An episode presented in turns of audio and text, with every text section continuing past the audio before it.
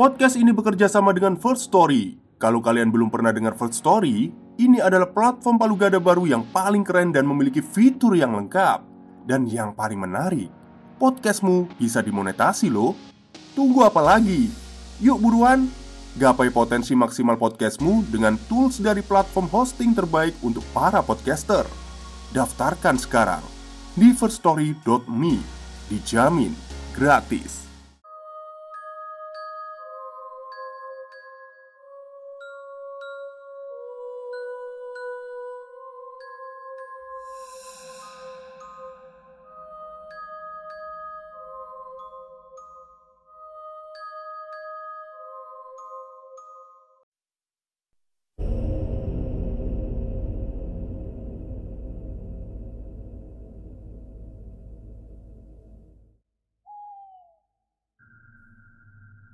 Assalamualaikum warahmatullahi wabarakatuh. Halo semuanya Jumpa lagi dengan saya Chow Sing Sing Kurator dari podcast Horror Night Story.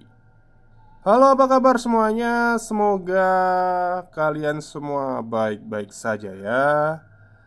Dan seperti biasanya pada hari ini saya kembali Dan akan menghadirkan sebuah kisah mistis untuk kalian semua Kisah mistis kali ini saya datangkan dari treat horornya Mas Buto Ebel Yang menceritakan salah satu narasumbernya Yang diganggu oleh sesosok makhluk goib Saat melakukan perjalanan pulang dari Pacet ke Mojokerto.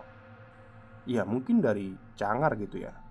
Oke daripada kita berlama-lama Mari kita simak ceritanya Cerita kali ini datang dari salah satu temanku yang berkuliah di Malang. Karena ini adalah sebuah kisah yang ia alami bersama keluarganya.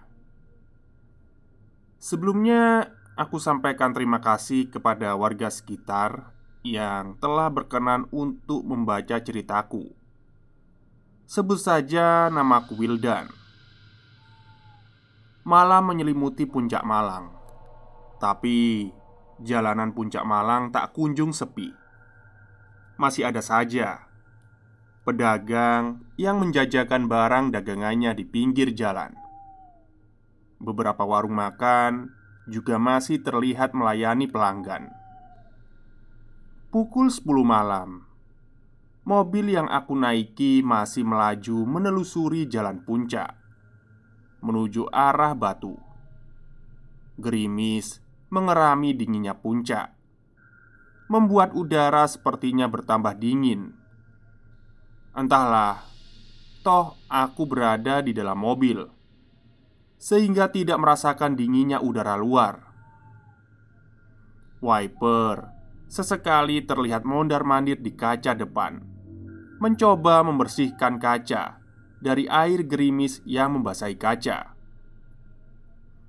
Di mobil ini hanya ada aku, kakak perempuanku, Emes, dan juga Ebes. Emes itu mama ya, Ebes itu papa. Di kursi depan, Ebes menyetir mobil sambil asyik mengobrol dengan Emes. Aku nggak tahu mereka berbicara tentang apa. Sedari tadi, earphone terpasang di kedua kupingku aku asyik mendengarkan lagu-lagu kesukaanku. Aku masih asyik mendengarkan lagu-lagu sambil login di media sosial.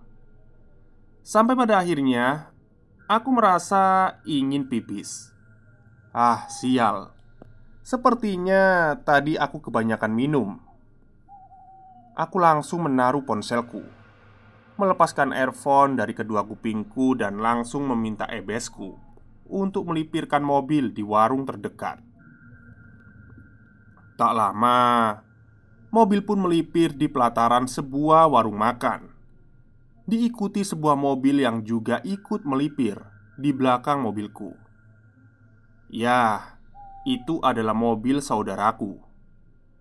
Di dalam mobil tersebut ada Pak D, Bude, dan dua sepupuku. Kami memang sedang menuju arah yang sama, yaitu batu. Ono apa, Mas? Kok berhenti di sini? Tanya sepupuku. Dia cewek. Ini loh, Wildan. Kebelet pipis katanya. Jelas kakakku. Aduh, aku udah gak tahan nih. Tanpa menanggapi mereka, aku langsung bergegas menyeberang jalan dan mencari toilet. Eh, Will, Will, tunggu! Lah, ini sepupuku kenapa ngikutin aku? Kamu ngapain ngikutin aku?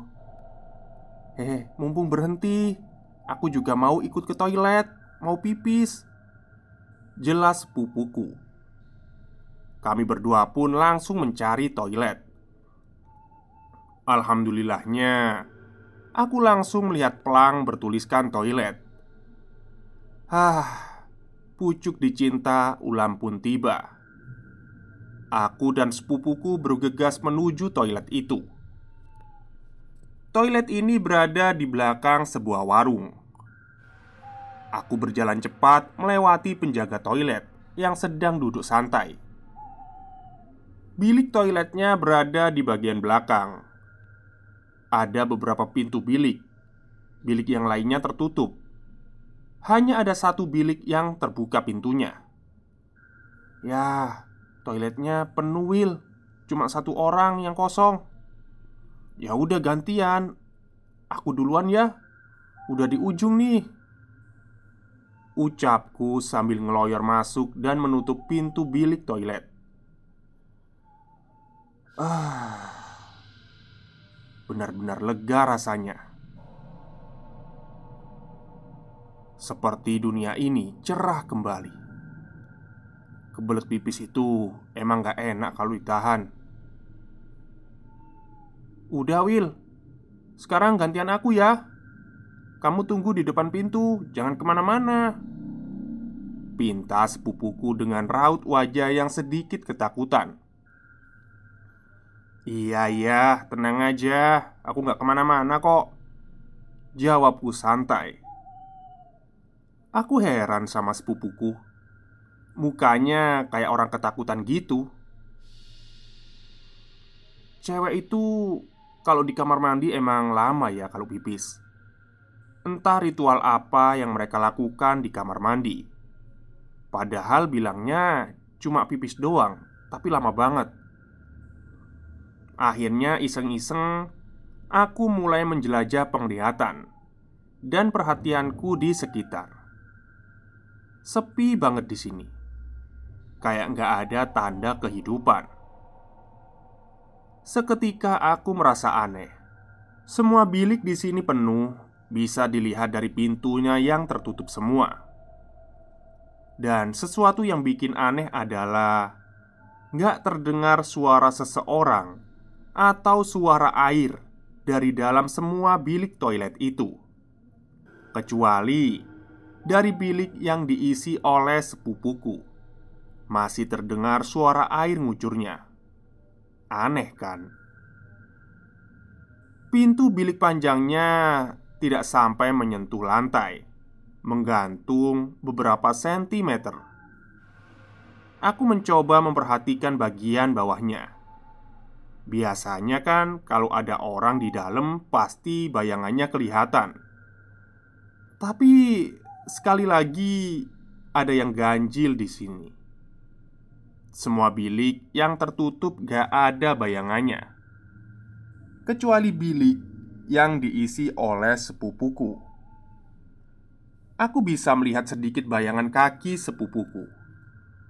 Aku jadi berpikir Mungkin bilik-bilik ini semua memang kosong dan sengaja ditutup oleh pemiliknya Karena sudah malam Sudah jarang pengunjung yang datang ke toilet umum ini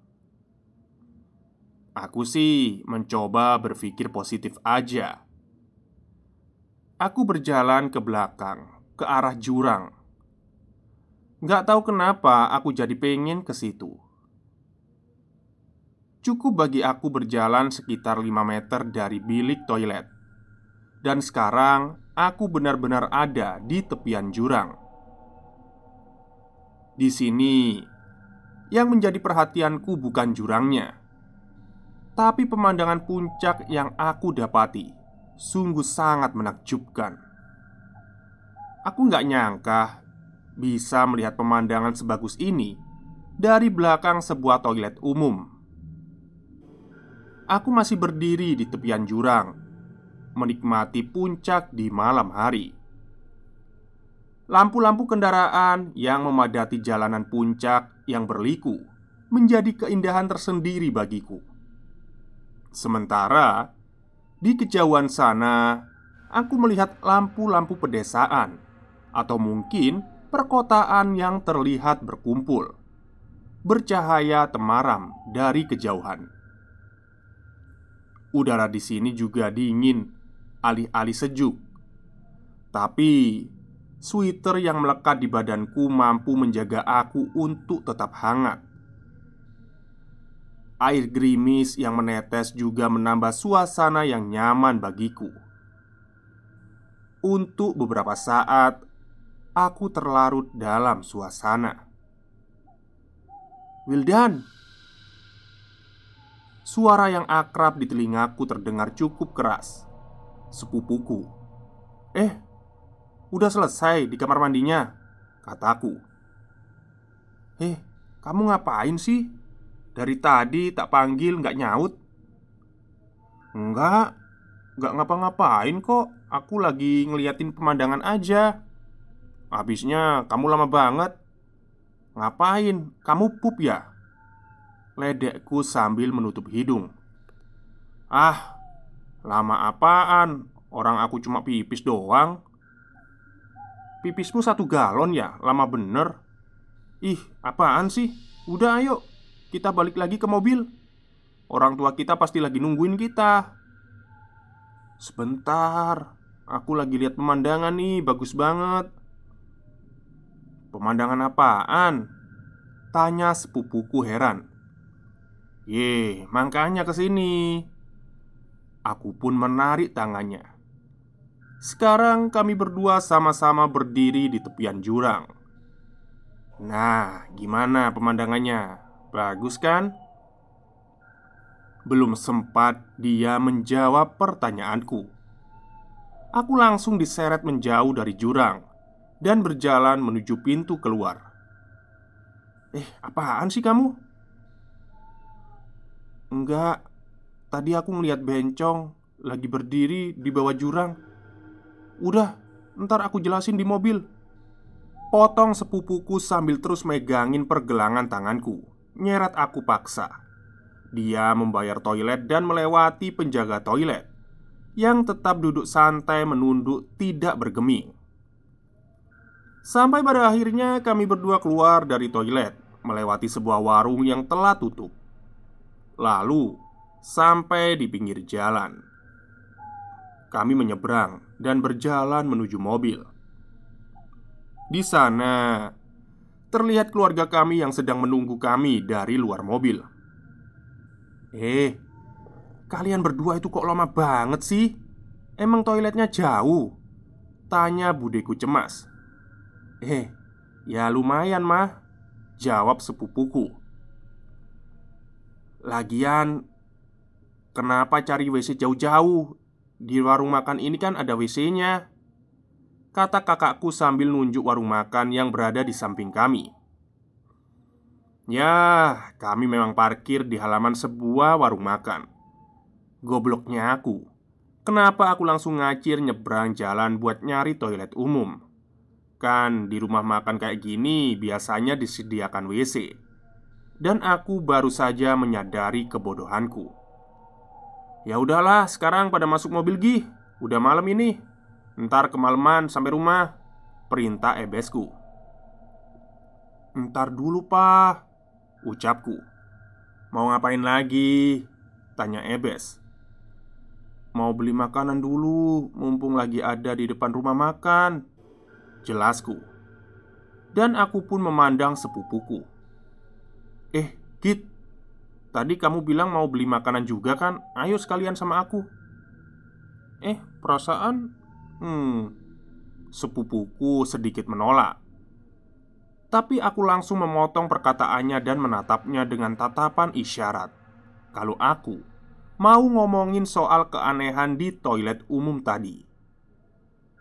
Aku pun gantian megang tangan dia, lalu menyeretnya menuju rumah makan. Udah, yuk, tadi katanya mau beli makanan. Sesampainya di rumah makan, kami memesan makanan untuk dibungkus. Dan saat pelayan sedang menyiapkan makanan kami, aku mulai menginterogasi sepupuku. "Tadi kenapa sih? Kok kamu tiba-tiba nyeret aku kayak gitu?" Tanyaku heran Eh, sebenarnya aku udah ngerasa nggak enak pas masuk toilet tadi Sambil berdiri menunggu pesanan Sepupuku mulai menjelaskan Kamu merhatiin gak penjaga toiletnya? Aneh banget kan? Diem aja Duduk sambil nunduk Gak kayak penjaga toilet kebanyakan kan? Hmm, ya juga sih. Aku juga merasa sedikit aneh. Terus suasana WC-nya juga kayaknya angker deh. Lanjut sepupuku. Tadi kamu bilang aku lama banget kan di WC? Padahal aku cuma pipis doang, gak ada dua menit. Mas, ini pesanannya. Tiba-tiba mas pelayan menyerahkan pesanan kami, memotong pembicaraan kami seketika. Eh, semua jadi berapa ya mas? Aku pun membayar makanan yang kami pesan Aku nggak langsung buru-buru balik ke mobil. Dan sepupuku berada di mobil yang berbeda. Jadi aku nggak mungkin bisa mendengar penjelasan sepupuku. Jadi Aku mengajak sepupuku untuk duduk sebentar di salah satu meja makan terdekat. Jadi intinya aja ya Tadi kamu kenapa tiba-tiba nyeret aku? Kataku menatap penuh tanya Tadi di bawah jurang Aku ngelihat ada kuntilanak. Katanya sedikit pelan. Aku kaget dong. Yang aku bilang bencong tadi sebenarnya kuntilanak. Mukanya hancur. Dia lagi ngeliatin kamu. Jadi buru-buru aku seret kamu keluar dari toilet serem itu. Ah, yang bener kamu. Jangan bercanda deh Kataku mencoba meyakinkan. Jujur sih Sebenarnya aku nggak terlalu takut sama yang beginian. Soalnya aku udah pernah beberapa kali Melihat penampakan makhluk halus.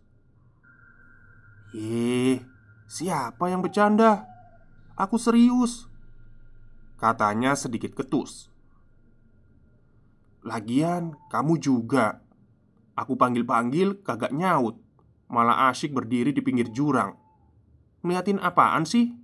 Pemandangan. Pemandangan dari Hongkong apa? Di situ nggak ada pemandangan apa-apa. Cuma ada jurang sama pohon. Aku diam sebentar Mencoba untuk berpikir.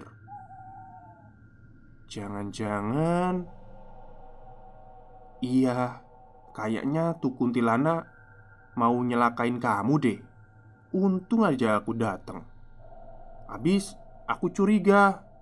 Padahal Jarak WC sama jurang kan deket. Tapi kamu gak ngedenger teriakan aku. Jadi ya aku samperin aja. Dan bener aja kan kecurigaanku? Iya ya, bener. Untung ada aja kamu. Kalau enggak Aku udah jatuh kali ya ke jurang itu Aku nggak menyangka akan mengalami hal kayak gini. Tapi aku bersyukur ada sepupuku. Jadi aku bisa terhindar dari makhluk yang mau nyelakain aku itu. Eh, ditungguin dari tadi. Malah asyik ngobrol di sini. Aku nggak sadar. Tiba-tiba saja kakakku udah berada di sampingku Terungkap sudah apa yang terjadi pada saat di toilet tadi. Sepupuku sudah menjelaskan semuanya. Dan sekarang aku pun sudah berada di dalam mobil. Sepupuku juga sudah berada di dalam mobil bersama keluarganya. Kami pun melanjutkan perjalanan. Mobil Pak Diku sekarang memimpin jalan di depan, disusul dengan mobil keluargaku. Aku rekatkan jaket, memasang earphone, dan menyalakan lagu kesukaanku, dan tentu saja login di sosial media. Aku mencoba melupakan kejadian di toilet umum tadi. Di bawah naungan gerimis, mobil kami melaju menyisir kembali jalanan puncak arah pulang menuju Malang. Belum lima menit, mobil ini melaju. Tiba-tiba, Ebes mengerim lagi. Di samping warung yang sudah tutup, aku bingung. Kenapa lagi nih? Kenapa, Pak? Tanyaku berbarengan dengan kakakku. Eh, nggak tahu tuh.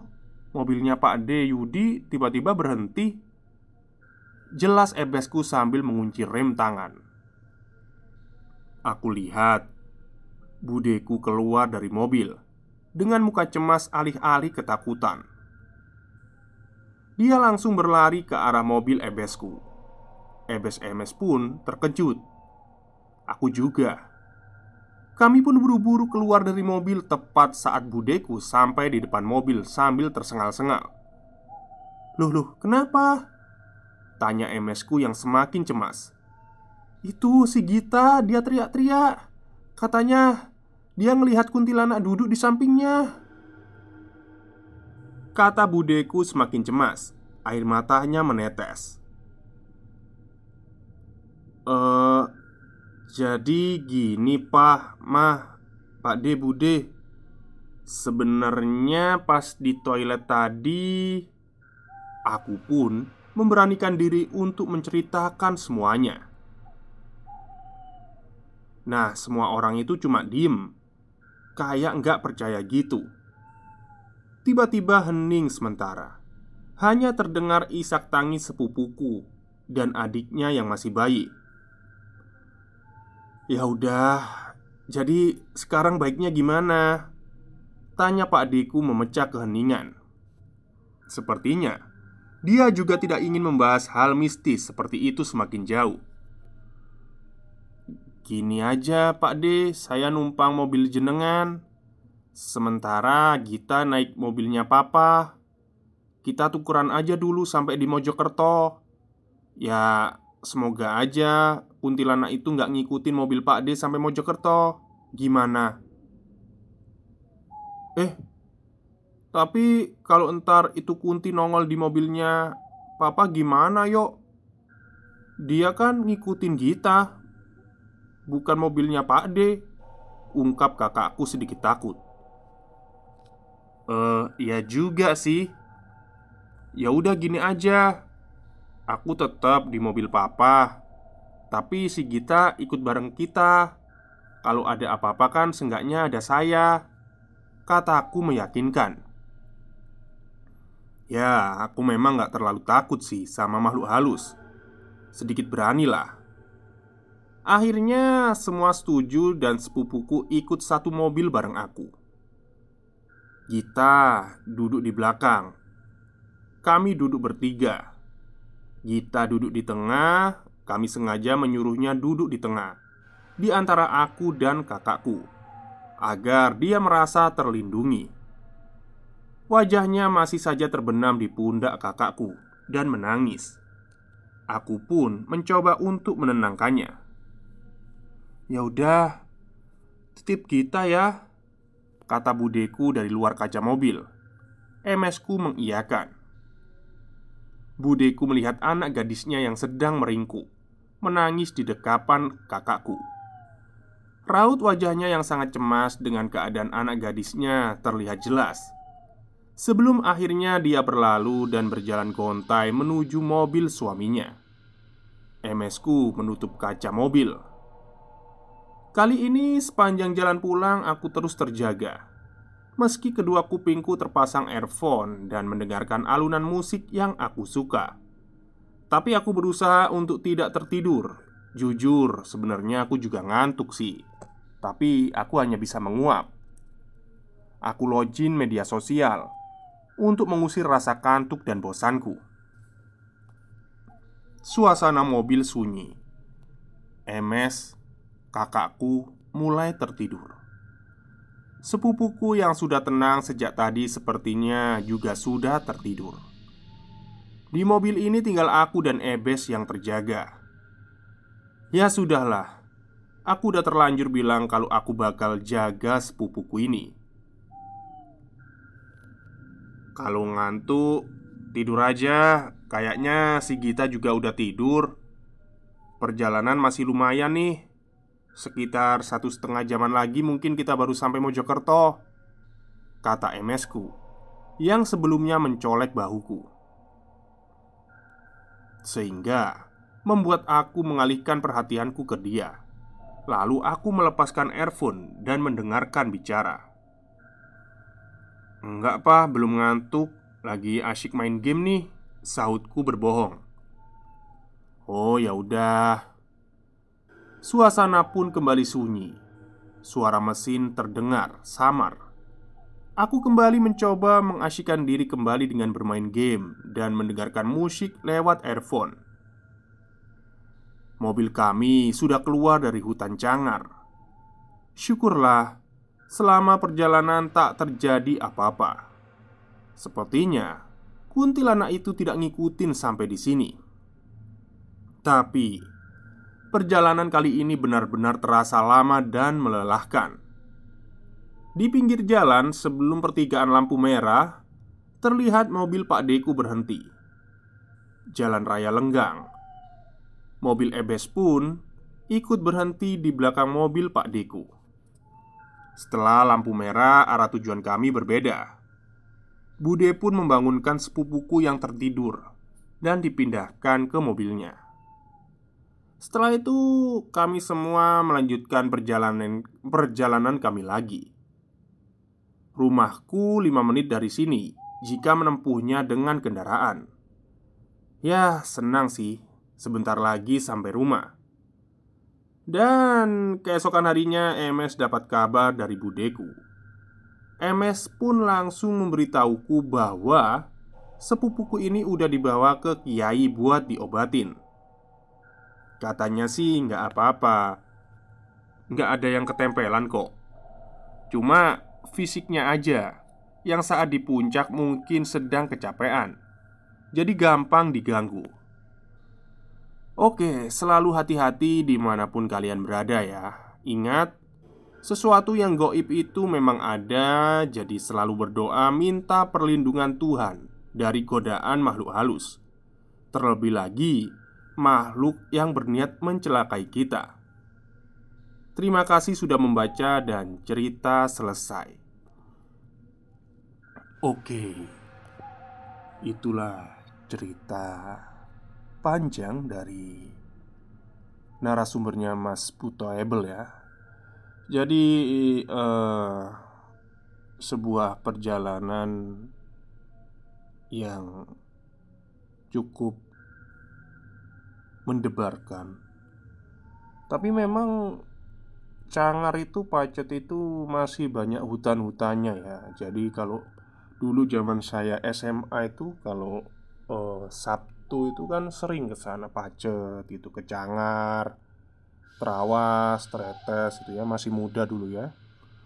Ya memang agak-agak menyeramkan sih selain jalannya yang jurang-jurang gitu. Tapi pasti ada sesuatu yang goib di sana. Ya pernah sih saya mengalami hal yang janggal. Tapi ya mungkin saya ceritakan di lain waktu saja. Oke, mungkin itu saja cerita untuk hari ini. Semoga kalian semua suka. Selamat siang dan selamat beristirahat.